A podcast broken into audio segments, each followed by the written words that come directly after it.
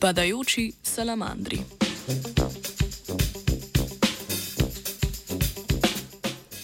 Raziskovalna skupina iz Kalifornije je v znanstveni reviji Current Biology nedavno poročala o spretnih načinih, na katere tavajoči salamandri ob pacu z dreves zmanjšajo svojo hitrost ali celo spremenijo smer padanja. Tevajoči salamandri po latinsko Aneides vangrans so vrsta dvoživ, ki živijo v krošnjah sekvoj v Kaliforniji. Ko so v nevarnosti, skočijo z drevesa, kar lahko pomeni več desetmetrski padec, ki je lahko tudi usoden. Za živali, ki živijo više, da nimo v drevesnih krošnjah, je navadno značilno, da so na nevarnost padca, padca telesno prilagojene, naprimer s preoblikovanimi okončinami ali z načinom gibanja med padanjem. Za tavajoče salamandre to ni značilno.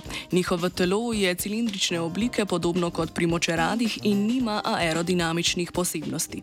Na življenje visoko na drevesih so se zato prilagodili tako, da se med paci gibljajo na poseben način.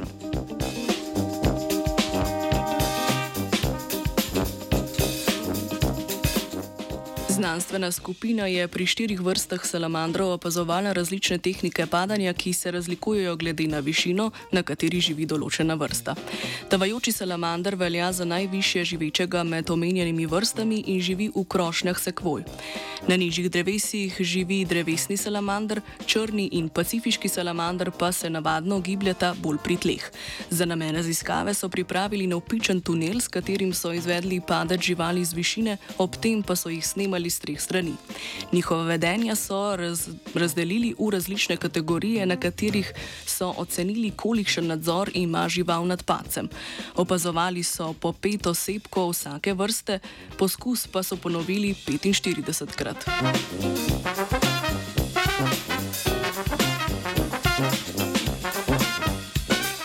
Opazili so, da je sposobnost nadzorovanja paca močno povezana s tem, kako visoko vrsta živi.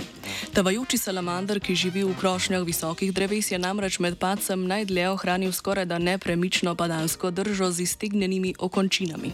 Tako je hitrost padanja zmanjšal za do 10 odstotkov. Padanska drža je bila pogosta tudi pri drevesnem salamandru, medtem ko so jo najmanjkrat zaznali pri črnem in pacifiškem salamandru, ki živite na nižjih območjih. Pri tavajočem in drevesnem salamandru so opazili tudi, da nadzirata smer padanja s pomočjo jadranja skozi zrak pri čemer si pomagata s položajem repa in drugih okončin. Po drugi strani sta se niže živeči vrsti salamandrov med padanjem le neuspešno zvijali, kar ni vplivalo na smer ali hitrost padca.